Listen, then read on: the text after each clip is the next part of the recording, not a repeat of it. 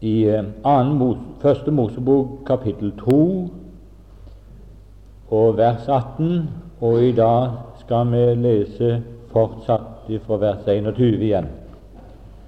Og Gud Herren sa, det er ikke godt at mennesket er alene, jeg vil gjøre ham en medhjelp som er hans like. Da lot Gud en Herren en dyp søvn falle på mennesket, og mens han sov, tok han ett av hans ribben og fylte igjen med kjøtt. Og Gud Herren bygget av det ribben han hadde tatt av mennesket, en kvinne, og ledet henne til mennesket. Da sa mennesket, dette er endelig ben av mine ben og kjøtt av mitt kjøtt. Hun skal kalles maninde, for av mannen er hun tatt. Derfor skal mannen forlate sin far og sin mor og bli hos sin hustru, og de skal være ett kjød. Kjære Herre Jesus, vi takker deg for at du er igjen til stede. Du som kan opplade Skriftene og forklare Skriftene for oss på en sånn måte at våre hjerter blir brennende, slik som det ble med Emaus-vandrerne. Og nå er det bare spørsmål om om det er rom for ditt ord i våre hjerter at vi har behov av det, at det er interesse for å se mer av dette guddommelige ord. Og hvis det ikke er det, så be meg at du vil skape rom, at du vil stelle med oss slik, Herre, at vi får hunger etter ditt ord, hunger etter større åpenbarelse, hunger etter dette å kjenne det mer gjennom ditt ord. Herre, la det skje. Vi anbefaler oss i denne timen i dine hender, Jesu navn. Amen.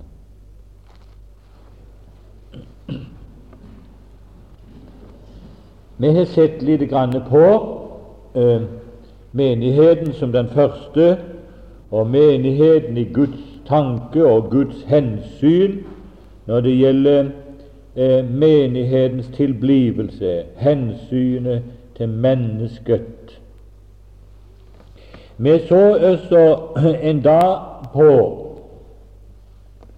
at eh, Jesus var den enbårne sønnen. Det vrimler i herligheten av engler, av krefter, av kerube, av serafer, av makter, av myndigheter i det hele tatt en kolossal, organisert, usynlig verden, som er langt mer allsidig enn menneskeverdenen er. Men iblant dette myriad av engler, keruber, serafe, krefter, makt og myndigheter, blant alt dette så var det bare én som var sønn. Bare én som var sønn. Alt var skapte vesener. Alle englene, keruber, serafer, makt og myndigheter, alt det er skapt ved ham og til ham, heter det. Men det er bare, det én som er sønn og det kommer så, det så fram i dette ordet her at vi måtte streke det under enda litt mer. Når Gud sier det her på denne måten, det er med Jesus for, med, med Adam som forbilde på Jesus. Det er ikke godt at mennesket er alene. Han var, som Skriften sier, og de skriftstedene som jeg nevnte her, bl.a. fra Johannes brev, og, nei, fra Johannes evangeliet, fra eh, Johannes 3, 16, og fra 1. Johannes brev, at han var den enbårne sønn. Så er det spørsmål på hvilken måte skal så Gud greie å få skapninger som kan, han kan ha samfunn med fullt ut? Og det er det Gud tenker på. Han kunne ikke ha samfunn med dyrene. Alle sammen ga navn, men han kunne ikke ha samfunn med dem, fordi at de var ikke hans like. De var ikke hans like. Og så kommer dette forunderlige inn i bildet. Og Det skal vi se litt på seinere, eh, en time, håper jeg, eh, om eh, menigheten som hans like. Her skal vi bare eh, se på én ting til å begynne med. Gud hadde bare én måte å gjøre det på. Og nå er det klart at nå beveger vi oss på så slike høyder at eh, det er det ingen av oss som eh, kan greie. Ikke greie er det, og ikke greie noen det her i denne forsamling. Men altså, vi kan iallfall si det slik som vi ser det. Det var, sånn forstår vi det, det var bare én måte for Gud å greie dette på, at Jesus skulle få ha noen å ha fullstendig samfunn med. Det var at Sønnen tok et skritt ned ifra sin guddommelighet, og at menigheten løftes opp på et plan så de to kan møtes på samme plan. Jeg kan ikke se det på noen annen måte.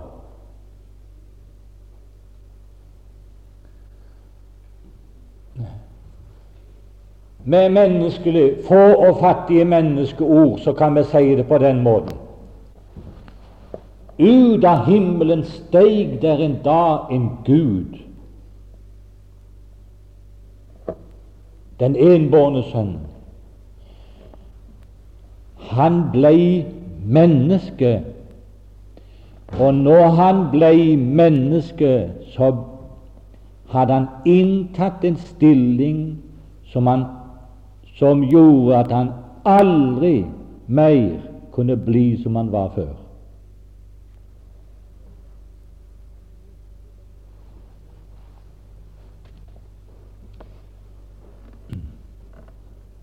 Men han, måtte, han måtte den veien for i det hele tatt å få samfunn med en skapning. Eller ikke bare en skapning, men det skal vi se litt på. Det gikk ut av himmelen en Gud. Det gikk tilbake igjen til himmelen en som var Gud og menneske i én person.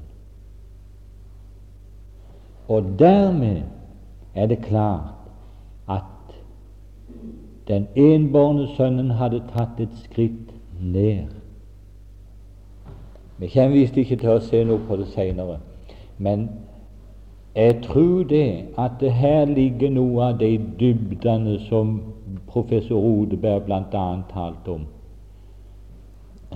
i forbindelse med det han sa om Det gamle testamentet.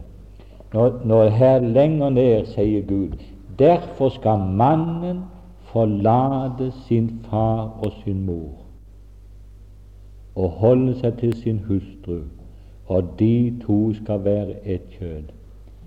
Det var noe han måtte forlate.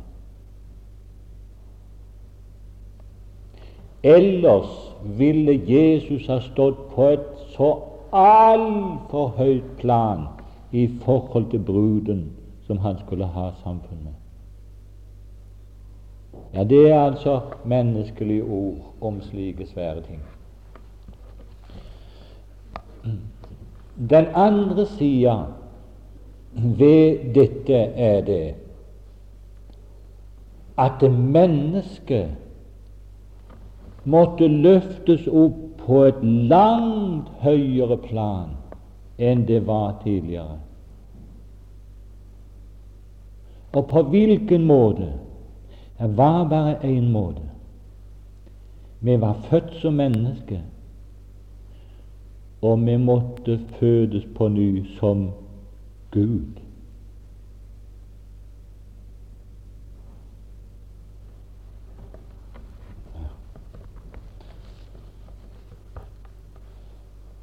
Men her er det jo ikke godt å bevege seg. Vi må bare ta noen ord ifra Skriften som taler om dette her. Galaterbrevet 4, 4-7.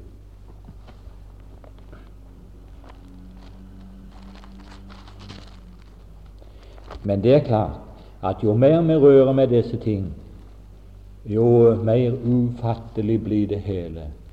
Jo større blir det alt sammen.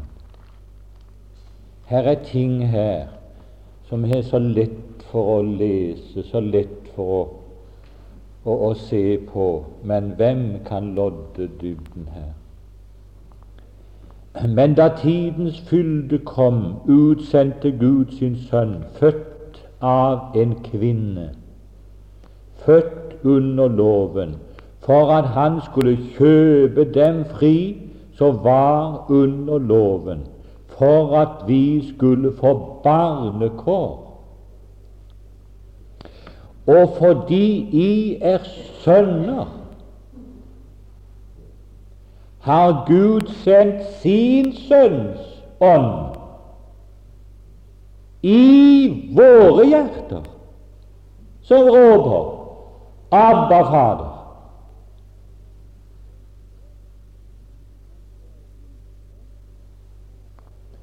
Så er du da ikke lenger trell, men sønn.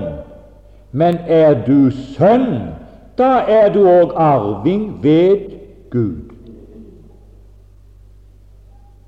Johannes 1, 12 og 13. Johannes evangeliet, kapittel 1, vers 12 og 13 disse to kjente ordene.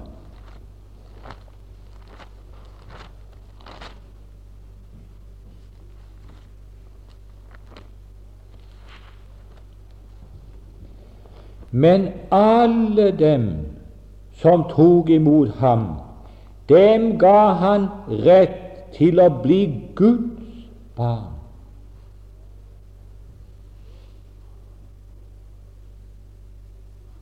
Den som tror på Hans navn. Og de er født av Gud. Vi gikk forbi noe der i vers 13, men det er ikke nødvendig å ha med. Altså, på den måte, og alene på den måte, var det at det kunne bli samfunn mellom de to. Jesus måtte bli, et, bli født menneske, og mennesket måtte bli født Gud. Og da er de på samme plan.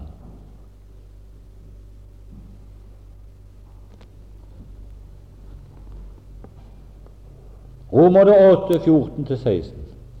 Jeg kan ta med det skriftet det der.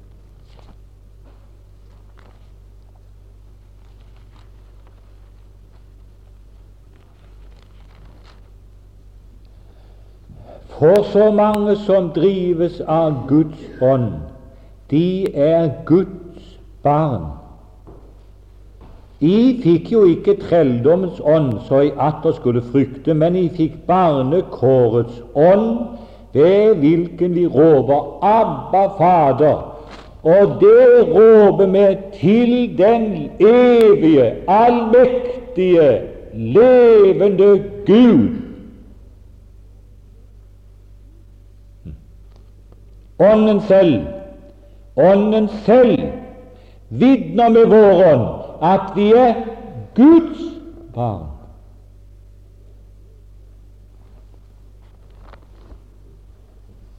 Og her kan du prøve her kan du prøve å lodde dybden. Men eh, det skjønner vi vel alle sammen, at i disse enkle sannheter, hele disse enkle ordene her, her ligger jo et så ufattelig dyp at det skulle være grunn til å juble ifra morgen til kveld og livet igjennom.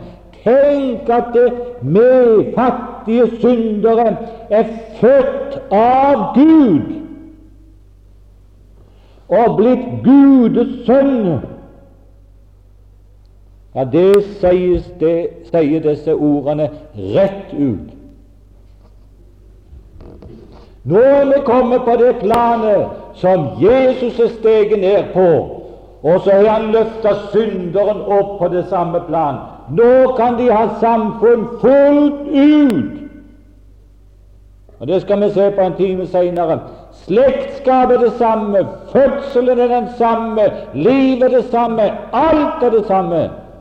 Samfunn til alle kanter, i alle dybder, helt ut, overalt. Det måtte i sannhet være underlig for himmelen. Jeg kan tenke meg det.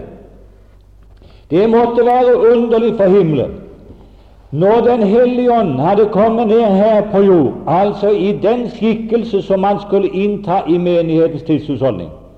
Han inntar en, en skikkelse i denne tidshusholdning som han aldri har hatt før, som han aldri vil komme til å få i denne verden. Det er stendt til og med det at Jesus var ennå ikke herliggjort, for hele Ånden var ennå ikke kommet fordi Jesus ennå ikke var herliggjort. Det er klart, han hadde vært der før, han hadde vært der fra tidenes morgen, han var svevet over vannene, men han hadde aldri vært i verden i den skikkelse som han inntar i denne tidshusholdning. Den hellige ånd kunne gjøre Abraham til en Guds venn, og det var Den hellige ånds verk. I denne tidshusholdning kan Den hellige ånd gjøre et menneske til Guds barn. Og Det er en stilling som er tusen ganger høyere når det gjelder familieforholdet til Gud. Det sier seg vel sjøl temmelig klart at det må være en himmelvid forskjell på å være en Guds venn og det å være et Guds barn.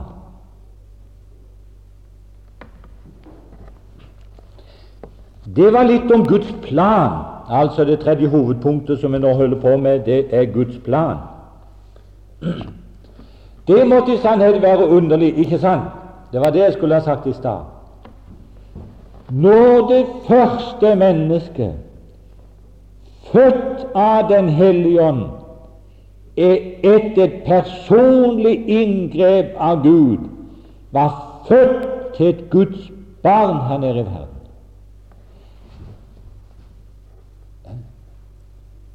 Det var sikkert en større undring i himmelen enn det var her i verden. Nå var ikke Jesus den enbårne lenger. Nå var det en mer. Nå var det en sønn mer.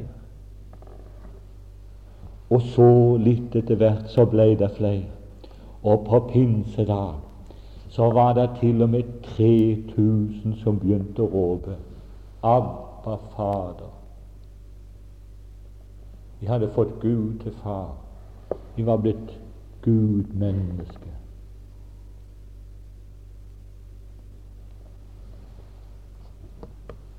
Den måten var det Gud måtte gjøre det på, så langt jeg kan se. Og det forteller hele min bibel med.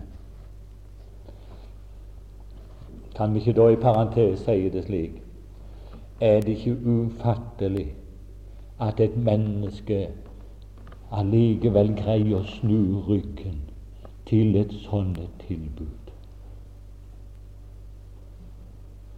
Men det er sant.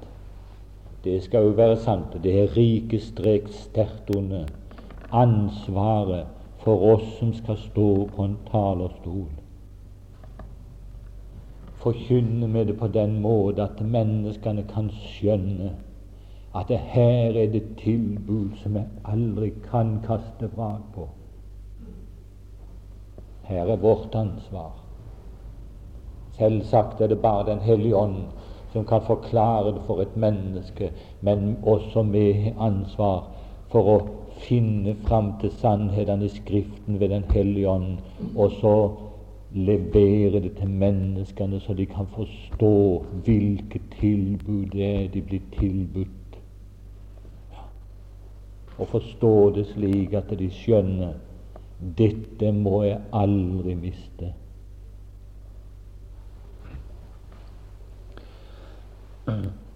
En annen tanke som vi skal ha, dette med hensyn til slektskapet og, og det som er sagt under det uttrykket der, skal vi vente med til litt seinere, når Gud sier det i vers 18 slik Jeg vil gjøre ham en medhjelp som er hans like. Hans like. Det skal vi se litt på seinere. Nå skal vi befatte oss litt med det uttrykket som det står 'Jeg vil gjøre ham en medhjelp'. Vi har lest det nå hver kveld eller hver dag, dette skriftstedet her. Og eh, jo mer jeg for min del leser det Jeg har vel lest det noen hundre ganger. Men jo mer jeg leser det, jo større rikdom ser jeg det. Det er ikke godt for mennesket å være alene. Så sier Gud, 'Jeg vil gjøre ham en medhjelp som er hans like'. Hva sier det ordet med? Det sier meg at det her er Gud bevist for oss alle sammen at når det gjelder saken om menigheten, om bruden, så har Han lagt den fullstendig i sine egne hender. Ikke sant? Jeg vil gjøre ham en medhjelp som er hans like. Og hva ligger der i det uttrykket? Ja, det ligger i grunnen alt i det. Jeg noterte i en fart bare syv ting. Skal gjerne holde seg til de syv ting, selv om det er nokså mye. Eh, og nå kan, du, nå kan du jo notere deg de samme tingene, og så kan du finne mange flere. Men før du begynner å notere, så kan jeg, så kan jeg bare, skal jeg bare nevne en li, ganske liten illustrasjon. Og det var advokat Nordhus. Eh, vel kanskje Norges mest eh, berømte advokat i dag. Han har skrevet ei bok som han er kalt 'Jeg tar saken'. Mm. Og eh, Nordhus vet vi han kan føre en sak. Det er en glimrende advokat. Han kan føre en sak. Men hør vi kunne like så godt ha brukt det uttrykket som Nordhus har brukt som tittel på boka si. Vi kunne like så godt bruke det her. For det er akkurat det Gud har sagt. Jeg vil gjøre ham en medhjelp. Det vil si, jeg skal ta saken, sier Gud. Jeg skal ta saken.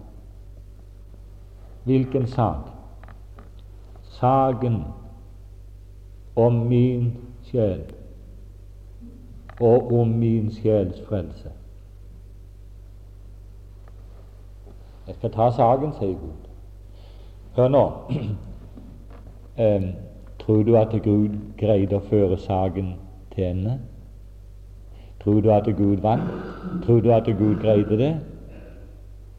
Ja, det behøver vi visst ikke å spørre om. Det er liksom så selvfølgelig alt sammen. Og allikevel så er det sikkert ei lekse som vi må holde og lære på hele livet. Nemlig det at min sak ligger i Guds hende, og Han skal føre den til ende med seier. Nå skal du få de syv tingene som jeg noterte meg. Han tok saken angående min synd. 1. Peter 4,1.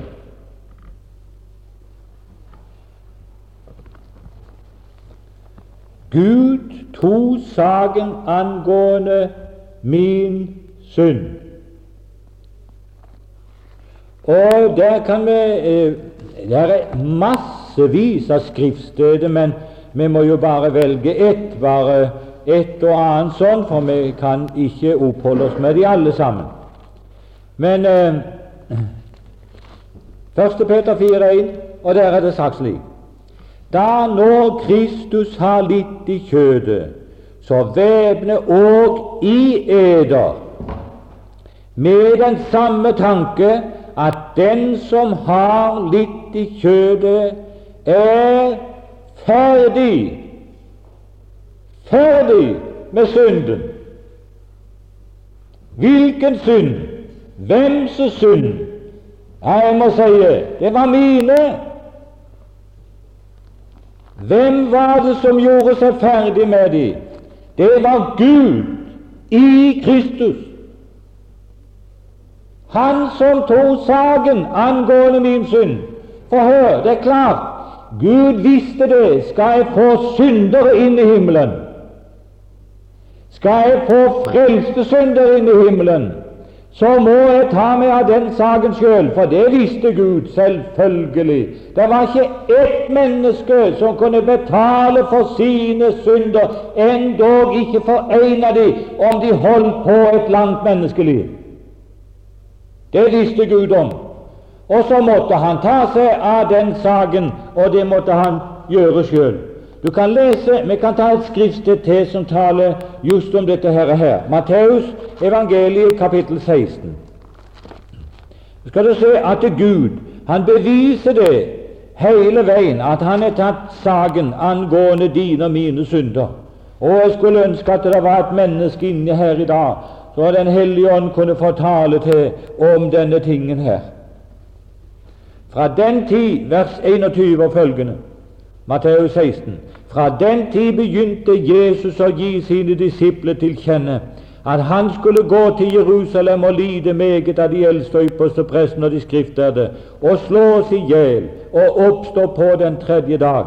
Da tok Peter ham til side og begynte å irettesette ham og sa:" Gud fri deg, Herre, dette må ingenlunde vederfares deg.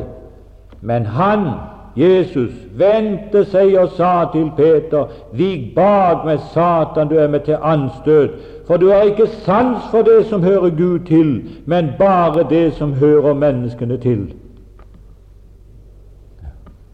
Hva var det i, dette, i denne beretningen som hørte Gud til? At Jesus skulle gå til Jerusalem. Han skulle lide meget av de eldste og ypperste prestene. Han skulle slås i hjel. Han skulle pines under Pontius Pilatus. Han skulle korsfestes. Han skulle dø. Han skulle lide all verdens spott og hån og alt dette. Og så sier Jesus det er noe som hører Gud til, Peter. Kan vi bruke noen andre ord og så si det slik Hvorfor måtte Jesus gå den tunge vei?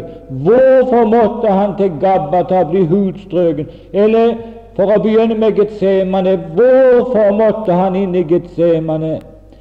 For å bli det villige offerlammet. Hvorfor måtte han gå til Gabbata og la sin rygg bøye og hudflette? Hvorfor var det? Hvorfor måtte Jesus stå der med ei tornekrone så blodet rant? Hvorfor måtte han hånes? Hvorfor måtte han pines? Hvorfor måtte han lide alt dette og til slutt på korset og ånde ut? Jeg kan bruke bare ei setning eller mine egne ord og si det på denne måte. Det var for mine synders skyld. Ikke sant, mine venner? Men hør, så sier Jesus det at dette er Guds sak. Simon, dette er Guds sak. Nå holder Gud på å føre din sak. Han har tatt seg av saken, Simon. Han har tatt seg av din sak. Satan, nå må du holde deg vekk, så ikke du skal forstyrre det som Gud har tatt seg av. Han holder på å føre saken for å få en brud, for å få syndere frelst. Og så måtte Gud ta saken på denne måte. Det andre Vi skal gå videre.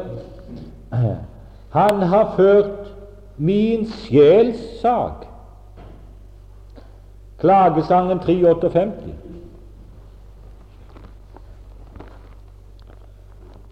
Klagesangen 358. Der, der sier Jeremias det på denne måte Herre, du har ført min sjelsak. Du har frelst mitt liv. Det var en vidunderlig åpenbarelse også i Det gamle testamentet. Han er, ført inn, han ikke bare ført saken med angående dine synder og gjort seg ferdig med det. Jeg glemmer jo aldri den dagen jeg fikk se det. Glemmer det aldri. At Gud hadde tatt seg av mine synder og ført den saken. Glem aldri det. Det gjør heller ikke du. Men han har også ført min sjelsak. Og hva ligger der i det? Jo, hør, bare la oss si det på den måten at uh, sjelen det er sæde for personligheten i et menneske. Ånden det er sete for gudsbevisstheten. Eh, sjelen det er sete for personligheten. Legeme det er tjeneren for både Gud og Satan, ettersom er stilt til disposisjon. Det er sete for den menneskelige bevisstheten, kan vi vel si. Han har ført min sjels sak. Og når den dagen skal komme at det er for min del skal inn for Gud, så skal det vise seg det at både ånd og sjel og legeme er fullkomment ført. Saken min angående ånd og sjel og legeme har Gud ført til seier fullkomment. Satan skal ikke finne så mye som et, en flekk der han kan sette knappenål på, og så sier at det ikke var fullstendig.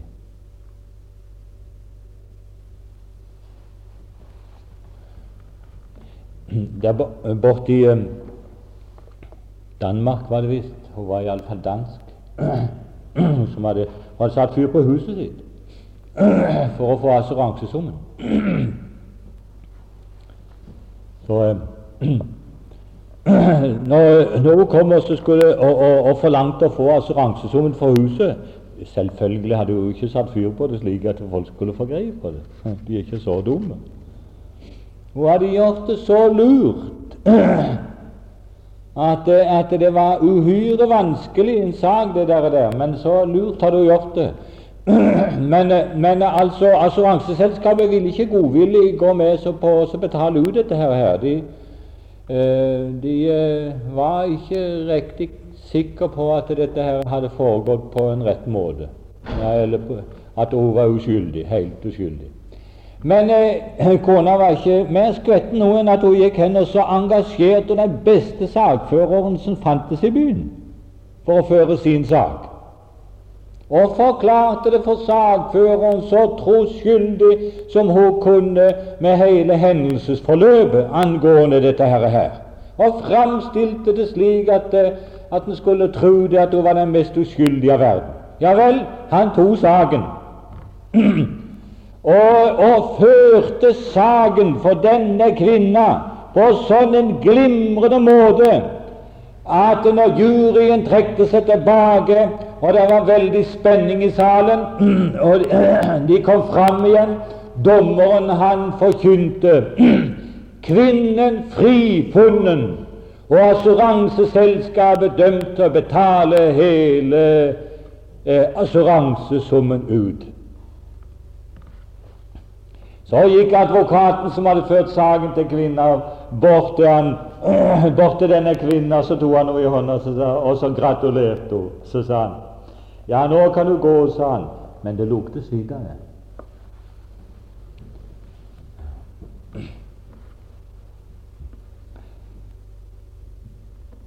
Men du, når Jesus har ført min sjels sak, så skal det ikke engang lukte svidd i himmelen. Det skal være fullkomment rent. Ikke en mistanke engang skal klebe ved min sjels sak. Det tredje han førte saken om mitt gamle menneske.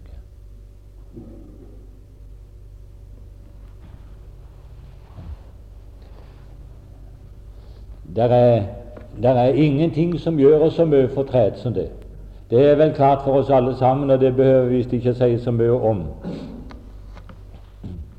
Men hør, allikevel er det massevis av mennesker i dag, og det er massevis av unge, troende mennesker i dag som går og sliter. Hva sliter de med? Det gamle mennesket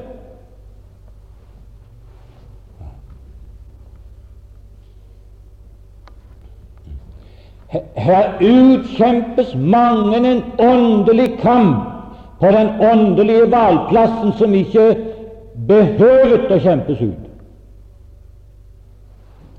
Men hele saken er at uh, det mangler syn på hva Gud har gjort med saken min. Nå vet jeg det, vi skal være litt forsiktige, det er ganske klart. Fordi at et menneske må igjennom visse erfaringer før det kommer så langt ned at det får bruk for utløsning angående det gamle mennesket. Og det er erfaringer som ikke du får den første dagen fullstendig i, kristenlivet ditt. Heller ikke den første uka, kanskje. Det kommer an på hva det har skjedd før du ga det over til Gud. Det er klart. Jeg for min del jeg gikk og kjempa med det gamle mennesket for å få det til, og for å få det skikkelig, og for å få det til å bli kristelig. Jeg holdt på å kjempe inntil jeg sa til Gud nå greier det ikke, jeg får ikke skikk på det, jeg går til helvete. Det sa jeg til Gud. Hvorfor det? Jeg hadde ikke sett hva Gud hadde gjort. Det var hele saken. Men nå er vi altså inne i det som jeg sa, at et menneske først må komme ned på det erfaringsnivået at han er bruk for denne sannhet som dere har talt om i Romerne 6.6. For det kan ikke nytte å forkynne det til alle. Du kan forkynne til alle mennesker, men det er ikke mer enn de, de som tar imot det, som har behov av det, og som Den hellige ånd kan få opplyst om det. Men den natta, du, når jeg fikk se det, at eh, både mine synder og mitt gamle menneske hadde Gud gjort seg ferdig med. Arne, det hang på korset for 1900 år siden. For vi vet, sier apostelen Paulus, at vårt gamle menneske ble korsfestet med ham. Og hvorfor gjorde det det? For at syndelegemet skulle bli til intet. Det vil si, så lenge et menneske holder på og skal prøve å stille på det gamle mennesket og få noe skikkelig ut av dette herre her, så lenge er det mennesket en trell under loven. Og synden holder på å fange det om igjen og føre det til fall om igjen og om igjen. Ikke sant?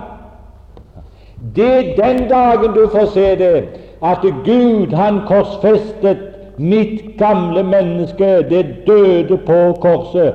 Der døde også jeg. Jeg glemmer aldri en erfaring om dette her. Jeg må ta den med, om ikke vi kommer gjennom dette her. Jeg må ta den med. Vi hadde holdt på i junior i Vennesla, og det var noe vekkelse og liv. Og det er mange av de som er både fedre og mødre, familiefedre og mødre i dag, uh, som i den tida ga seg over til Gud. Eh, ikke så få av de ganske unge. 14-15-åringene. Så var det en som het Ivar. Han var med liksom i styret der. De hadde sitt eget styre. Og En kveld så hadde vi talt om Jesu gjenkomst. Og, og, og vi merka at Den hellige ånd han hadde noe å si til de unge gjennom dette her. her. Men når vi kom ut om kvelden, så sier Ivar det. Han som til og med var med i ledelsen, så sier Ivar det. Å, jeg er så redd for, sa han. Jeg er så redd for at jeg ikke blir med når Jesus kommer igjen. Hvorfor var han redd for det? Jo, fordi at han gikk og kjente på seg sjøl. Han hadde så mange syndige tanker, så mange syndige lyster. Han falt i synd, han stelte seg sånn og sånn, han var ikke som han skulle være, osv.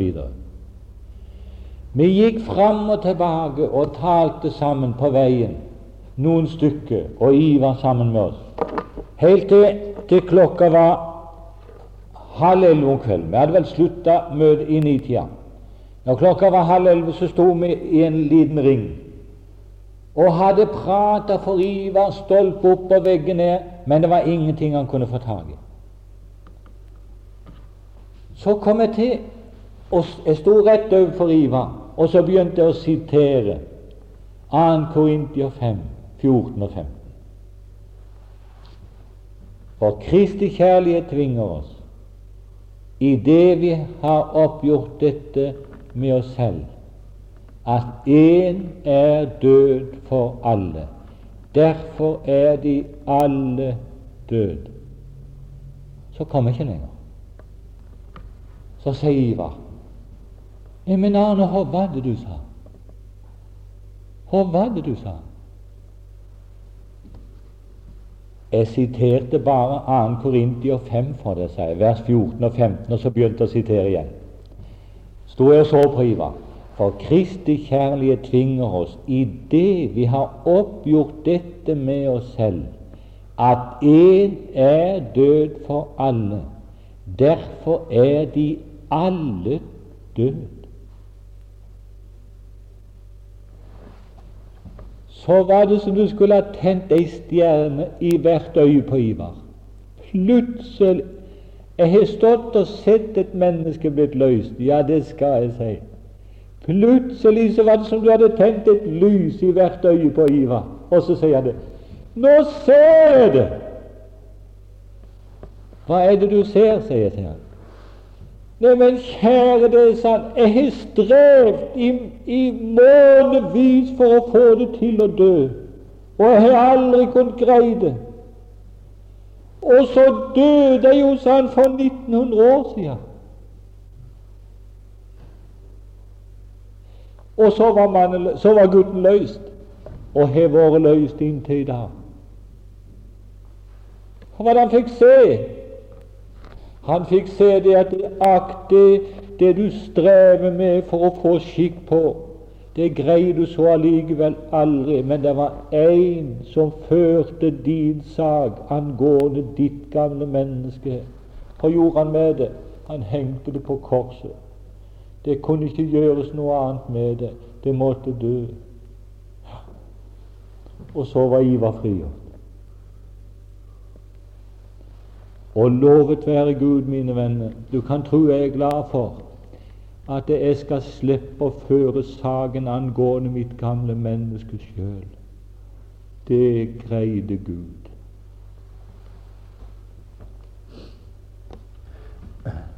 Det fjerde, med et par minutter igjen Det fjerde Han førte Og der er vi inne på det diametralt motsatte. Han førte mitt livs sak. Mitt liv. Saken angående mitt liv her i denne verden, det førte Gud. Hvordan i all verden kan det gå an? Jeg holder jo ennå på å leve. Jeg holder jo ennå på å feile, jeg holder jo ennå på å mangle noe. Jeg holder jo ennå på med å streve. Hør, min venn, Gud har allerede gjort seg ferdig med den saken angående ditt liv. Jeg skal bare nevne et ord. Kolossenserbrevet 3-4.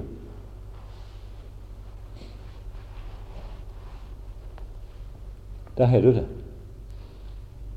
Og du kan Nei, mine venner, det er noe langt annet enn det du og vi kan få stelle i stand. Nei, det er underlig når Gud begynner å føre saken. Når Kristus, vårt liv, åpenbares. Da skal òg I åpenbares med ham i herlighet.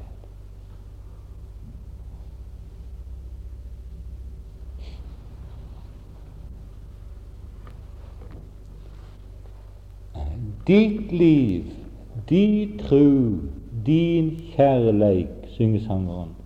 Du ga det alt til meg. Så var selve Jesu liv et liv i mitt sted. Og Jeg håper ikke du misforstår meg når jeg sier det slik. Og det er jo det som er det egentlige. Det som hører med til døden og forsoningen, det er det negative i Guds frelse. Det er bare for å betale skyld og gjeld og brøde at han måtte betale. Er redd for det at vi verdsetter det ordet kanskje litt for lite. Kristus betalte og gjorde meg skyldfri, men han gjorde tusen ganger mer. Han oppretta mitt liv. Og hvis jeg nå kunne ha funnet det stedet i eh, Vi skal ikke eh, ta det fram, men det, det eh, kom så for meg at vi måtte just nå Vi må visst eh, ta det med allikevel. Jeg skal eh, prøve å finne det i en fart. i Ruths bok, kapittel fire og vers 5.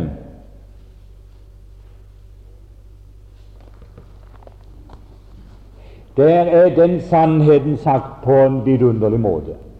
Det er i forbindelse med, med Ruth og Noomi. Du vet eh, Moabitinden Ruth som fulgte med Noomi tilbake til Israel eh, til Betlehem. Og, og, og, og, der fikk hun eh, eh, Til slutt så fikk hun Boas eh, som Goel, som det het eh, i, grunnspråket, til mann. Altså Goel, gjenløseren, betyr det. fikk han til mann, så heter det der Da sa Boas når du kjøper akeren av Noomi, kjøper du den også av Moabedinden Ruth, den avdødes hustru for å oppreise den avdødes navn på hans arvelodd.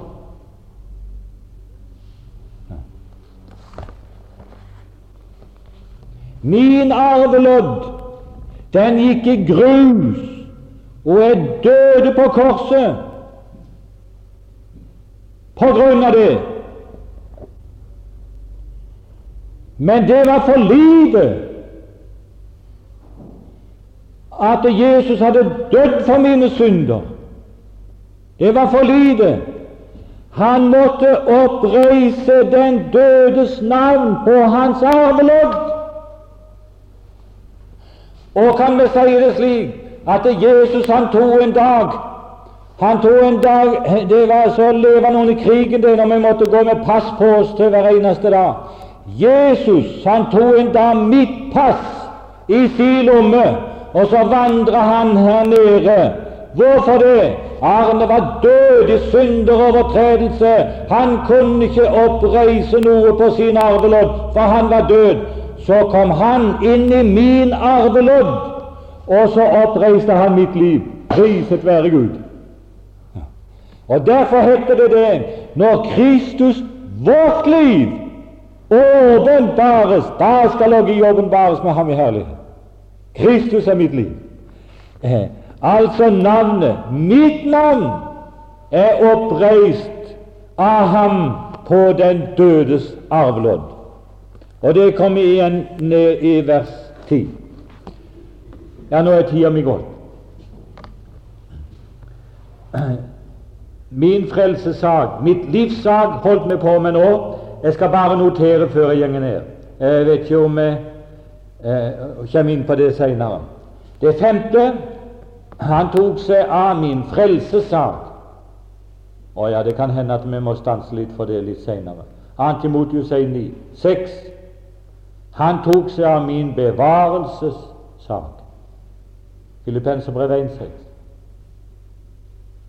Kan bare sette frelse, bevarelse, og til sist Syv. Han tok seg av min hjemfartsdag. Den dagen når jeg skal hjem. Og det skal vi bare lese til slutt. Første Tessaloniker 4, vers 14.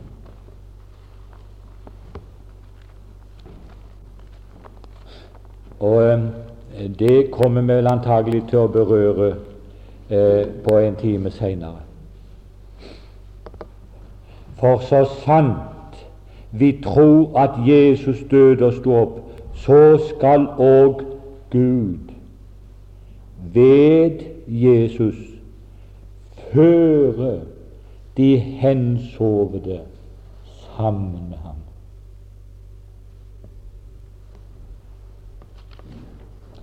Og jeg er glad for at det heter sånn. Så behøver jeg ikke, og så behøver ikke heller du, om vi skal gå veien om, om grava. Det, det vet vi ikke. Eh, vi håper det at vi skal slippe det. Men om vi skal gå enten den ene eller den andre veien, så er det iallfall sant som det sto her, at det er Gud som skal føre oss sammen med ham hver eneste en som han vant til brud, så er også den saken i trygge henne.